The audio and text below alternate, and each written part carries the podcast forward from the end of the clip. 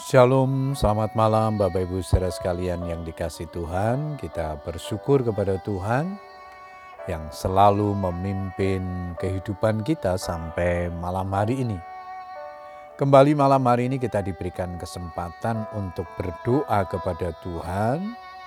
Namun sebelumnya saya akan membagikan firman Tuhan yang malam ini diberikan tema Tuhan satu-satunya penolong. Ayat mas kita di dalam Mazmur 121 ayat yang kedua, Pertolonganku ialah dari Tuhan yang menjadikan langit dan bumi. Bapak Ibu saudara sekalian, hari-hari yang sedang kita jalani adalah hari-hari yang berat dan penuh dengan kejahatan.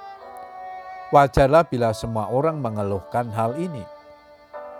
Namun demikian terus mengeluh takkan memberi solusi karena selama kita masih bernapas, kita takkan pernah bisa menghindar dari masalah, kesukaran, atau penderitaan yang bisa datang silih berganti tanpa permisi, tanpa memandang usia atau status sosial kita.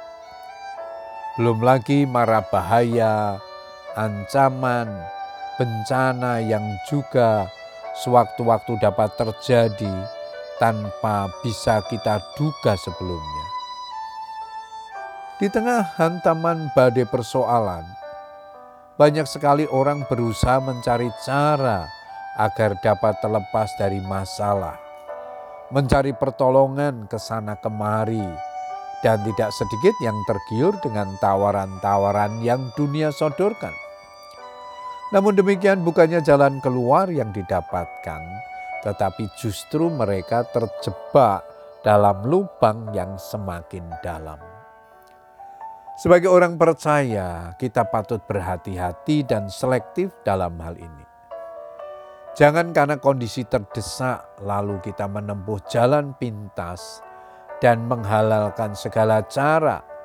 Tidak peduli cara dan jalan itu menyimpang jauh dari firman Tuhan, di mana tujuannya satu, yaitu mendapatkan pertolongan secara instan. Yesaya pasal yang ke-31 ayat yang ke-1 di sana dikatakan, Celakalah orang-orang yang pergi ke Mesir minta pertolongan, yang mengandalkan kuda-kuda, yang percaya kepada keretanya yang begitu banyak, dan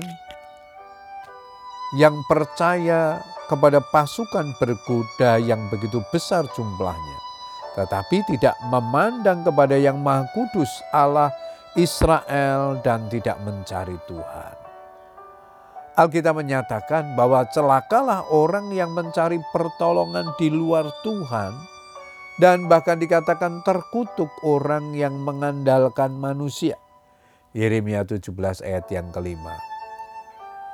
Bapak ibu saudara sekalian Tuhan mau kita senantiasa mengandalkannya dan menanti-nanti pertolongannya. Seringkali masa menunggu jawaban Tuhan adalah masa yang rawan terhadap berbagai jalan keluar yang ditawarkan dunia. Apa pun keadaannya, kita harus tetap berharap kepada pertolongan daripada Tuhan saja. Habakuk 2 ayat yang ketiga di sana dikatakan, apabila berlambat-lambat nantikanlah itu. Sebab itu sungguh-sungguh akan datang dan tidak akan bertangguh. Tuhan adalah baik bagi orang yang berharap kepadanya, bagi jiwa yang mencari dia. Puji Tuhan Bapak Ibu Saudara sekalian, biarlah firman Tuhan yang kita baca dan renungkan ini menolong kita untuk terus percaya dan berharap kepadanya bahwa dialah satu-satunya penolong dalam hidup kita yang dapat diandalkan. Puji Tuhan, selamat berdoa dengan keluarga kita. Tetap semangat berdoa. Tuhan Yesus memberkati. Amin.